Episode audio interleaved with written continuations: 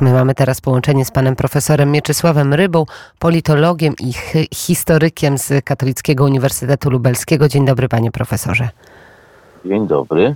To może najpierw e, spojrzałabym poza granice naszego kraju. E, wiemy, że ruszyły kontrole na granicy ze Słowacją. E, kontrole od dzisiaj, o północy w środę ruszają. Będą przynajmniej na najbliższe 10 dni, ale mogą być przedłużone. Jak pan patrzy w kontekście kampanii politycznej? Co to jest za krok? Co on znaczy? No cóż, jednym z elementów y, powiedzmy oddziaływania na społeczeństwo jest to, co w tej chwili robią Niemcy czy Unia, czyli jak gdyby wskazują na Polskę, czy w szczególności na rząd polski, y, jako na takie zagrożenie y, prawda, migracyjne. Mówimy o tej aferze wizowej. No więc jest to tu pewien rodzaj, jeśli mówimy o polityce, a nie o tutaj merytorycznych działaniach, bo i te pewnie mają swoje uzasadnienie. E, no pewne takie działanie osłonowe, które jak gdyby pokazuje, e, że problem jest zupełnie szerszy, gdzie indziej występujący. No bo nie ma wątpliwości, że przez te ostatnie dwa tygodnie ten czynnik zewnętrzny, mówimy tutaj o układzie brukselsko-berlińskim, będzie chciał wpływać na to, co zwiemy polskimi wyborami. E, polskie wybory i te sprawy związane właśnie z polityką migracyjną są chyba ważnym elementem, jednym z istotniejszych tej kampanii. E, no tak, to jest, powiedzmy sobie szczerze, to jest pytanie referendalne. Jedno z tych kluczowych, wokół którego toczy się kampania i wokół którego przede wszystkim toczy ta kampania PiS. Więc tutaj osłabienie tego ostrza, bo powiedzmy sobie uczciwie, jeśli mówimy o, o polityce Unii Europejskiej, tak mocno zaangażowanej we wsparcie dla Donalda Tuska, to, to jednak e, ta Unia Europejska ponosi tutaj gigantyczną porażkę. No, od 2015 roku, a więc od kryzysu migracyjnego, od ogłoszenia polityki otwartych drzwi, no, kto wskaże jakiś sukces w tym zakresie Unii albo jakiś plan? Albo jakąś strategię, która by jakkolwiek dawała nadzieję na rozwiązanie problemu nie dzisiaj, bo będzie relokacja, tylko yy, mówimy po, na poważnie. Nie ma czegoś takiego i Tusk był w tym. Tusk był po prostu przewodniczącym Rady Europejskiej, więc z tego trudno mu wyjść i dlatego szukają takich bocznych tematów, które by mogły osłabić tą kampanię pisowską. E, to jest e, na pewno e, prawda, ale ja bym chciała jeszcze pana profesora zapytać, nie wiem czy pan często chodzi do kina, panie profesorze, czy pan ogląda polskie kino, ale jak w tym kontekście politycznym i jak w ten dyskurs cały związany z kampanią wyborczą wpisuje się film Agnieszki Holland Zielona Granica, bo to wszystko się łączy z tymi sprawami migracyjnymi, z tą problematyką. Niewątpliwie. E, no, nie byłem na tym filmie. Niemniej byli moi znajomi, więc e, nie tylko z tych, e, prawda, różnych tam migawek w internecie, ale już z takiej relacji mm, znajomych, bezpośrednich, pewne rzeczy mm, zasłyszałem, czy też opowiadano mi na różne sposoby.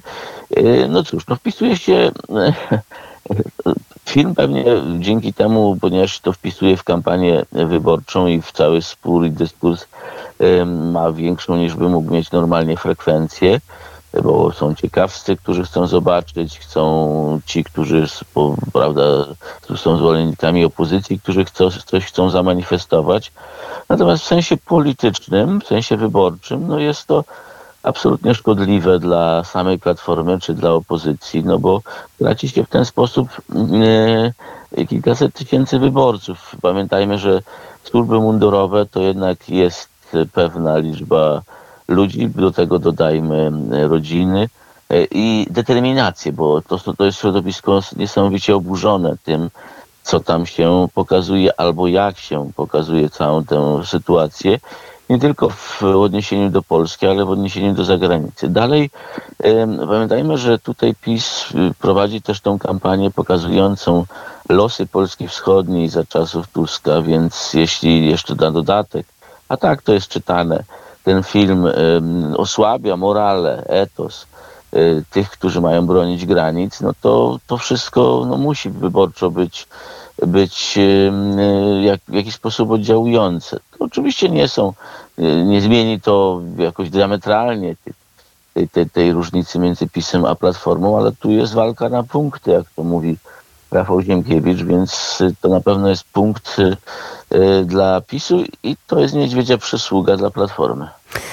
Jak rozmawiamy o tych punktach i rozmawiamy o obrazach, to wczoraj kolejny odcinek serialu Reset autorstwa Michała Rachonia i pana profesora Sławomira Cęckiewicza. Nie wiem, czy pan profesor z kolei oglądał ten, e, ten materiał, ale informacje, które płyną do nas, e, mogą e, dziwić, czy w sumie właśnie nie dziwić nas. Wiemy o roku 2013 i już o takiej oficjalnej współpracy pomiędzy służbą kontrwywiadu wojskowego, a rosyjską służbą FSB. Wiemy, że Donald Tusk, ówczesny premier, podpisał zgodę na taką współpracę między SKW a FSB. Jakie to z kolei ma znaczenie? Po pierwsze dla kampanii politycznej, dla wyborów parlamentarnych, ale z drugiej strony e, troszeczkę spojrzeć głębiej. Mówię oczywiście o tym, jaki to miało wpływ, czy mogło mieć wpływ w ogóle na funkcjonowanie i na polskie bezpieczeństwo, panie profesorze.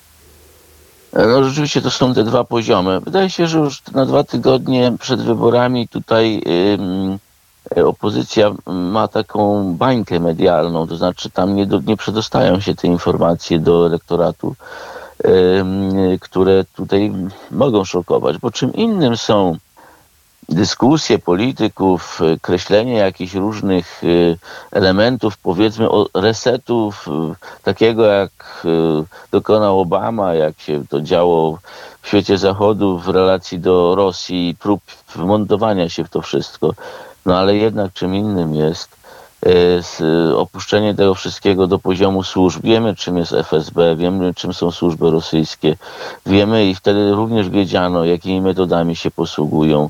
E, że jednak no, jest to organizacja na poły zbrodnicza. No tak sobie powiedzmy uczciwie, patrząc na to, co e, jakie wykonywała rozkazy i, i tak dalej. E, wejście w tak głęboką współpracę, no absolutnie, moim zdaniem, zagrażało bezpieczeństwu państwa. W sytuacji, gdybyśmy mieli do czynienia nie z bańkami medialnymi, ale z pewną taką wolną przestrzenią dyskusji na temat tego, co o bezpieczeństwie Polski stanowi, no to byłoby to wręcz, wręcz no, zabójcze dla, dla, e, dla Tuska. Natomiast, no tak jak mówię, tu są te bańki, tam się bardzo rzadko cokolwiek przedostaje z takich informacji, które, e, które e, no, tu mobilizują elektorat, bo to trzeba powiedzieć.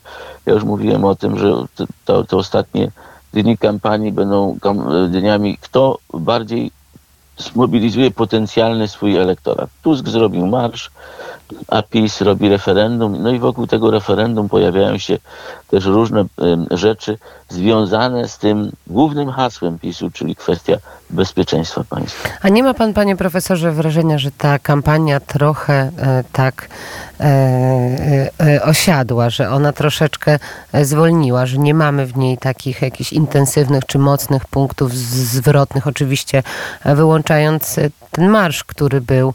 No i właśnie też pytanie o to, co się wydarzyło w niedzielę. Czy ten marsz miał takie duże znaczenie, na jakie liczył Donald Tusk i Koalicja Obywatelska? Wedle również moich znajomych w Warszawie i takiego oglądu ogólnego, wydaje mi się, że on był mniej liczny niż ten 4 czerwca.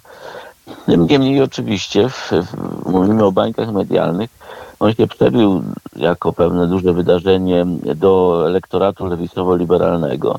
Bez znaczenia, jeśli mówimy o elektoracie pisowskim, no tutaj to, to w ogóle nic to nie dało.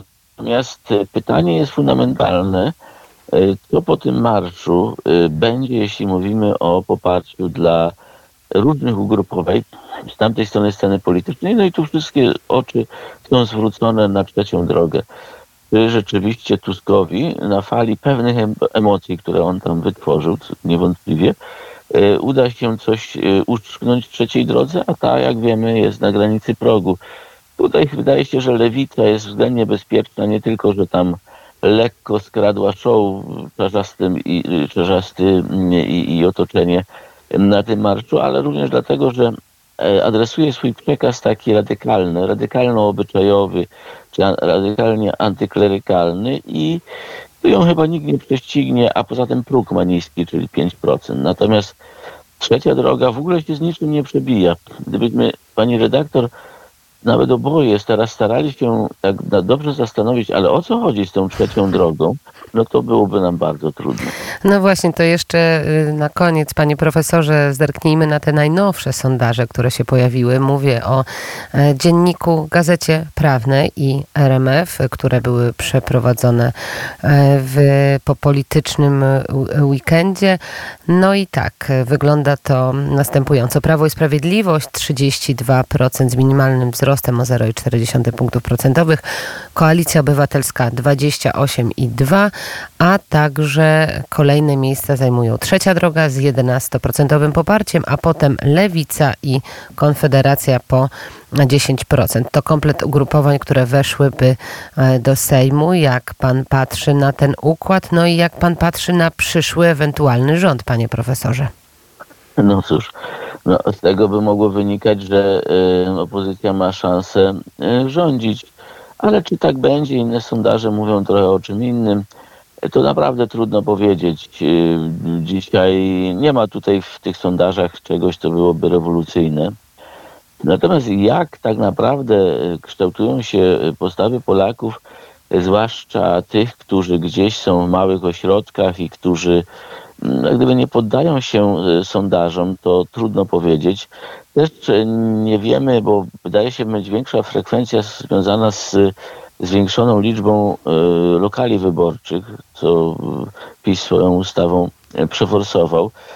To też może być tak w tej grze na punkty, może mieć swoje znaczenie 1-2%. Wydaje się, że więcej dla PiSu niż dla, dla opozycji. No, jest sytuacja krótka. Moim zdaniem wybory ostatecznie będą, czy wyniki ich będą inne, trochę się zdziwimy niż sondaże. To widać choćby tych głosowaniach w innych krajach, jak na Słowacji.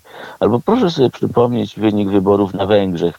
Wprawdzie to nie tak, nie, nie tak blisko, ale jednak nie, nie aż tak dawno, gdzie zupełnie inaczej to wszystko wyglądało sondażowo, inaczej, inaczej w, w realu. No, no ale E, pytanie jest rzeczywiście, kto bardziej zmobilizuje swój elektorat przez te niecałe dwa tygodnie. A bo wywołał pan, panie profesorze, Słowację i wybory parlamentarne, Fico blisko powrotu do władzy. E, wiemy, że, e, że ma on duże poparcie. Czy to jest, no właśnie, jaki to jest omen, panie profesorze, jeżeli chodzi o Słowację? No cóż, to jest też kraj dosyć specyficzny, mały i, i, i tak dalej. Natomiast y, no na pewno w perspektywie, mm, bo oczywiście możemy mówić, że y, to co mówiłem, że sondaże nie do końca się sprawdzają, natomiast z innej strony takiej geopolitycznej, no to rzeczywiście słabnie y, ten element w Europie Środkowej, taki proukraiński. Tutaj Sandan Fico no, nie jest politykiem proukraińskim i to inaczej te sprawy może prowadzić. I to też trzeba widzieć, e, zwłaszcza jeśli mówimy o, bo wchodzimy na ten poziom geopolityczny, jeśli mówimy o polityce Zeleńskiego, że on powinien nieco zmienić taktykę i retorykę w relacji, zwłaszcza do tych państw bliskich, bo no to może wywoływać, to też wywołuje w polskiej kampanii politycznej pewne retorsje, niekoniecznie zgodne z interesem Kijowa, a tak w istocie z interesem całej Europy Środkowej. Bardzo dziękuję za rozmowę. Pan profesor Mieczysław Ryba, politolog i historyk Katolicki Uniwersytet Lubelski. Dziękuję panie profesorze. Dziękuję bardzo. Pozdrawiamy serdecznie i za kilka sekund wybije na naszych zegarach godzina ósma. Jakub Duszek już w studio wiadomości, a później wracamy z porankiem w net.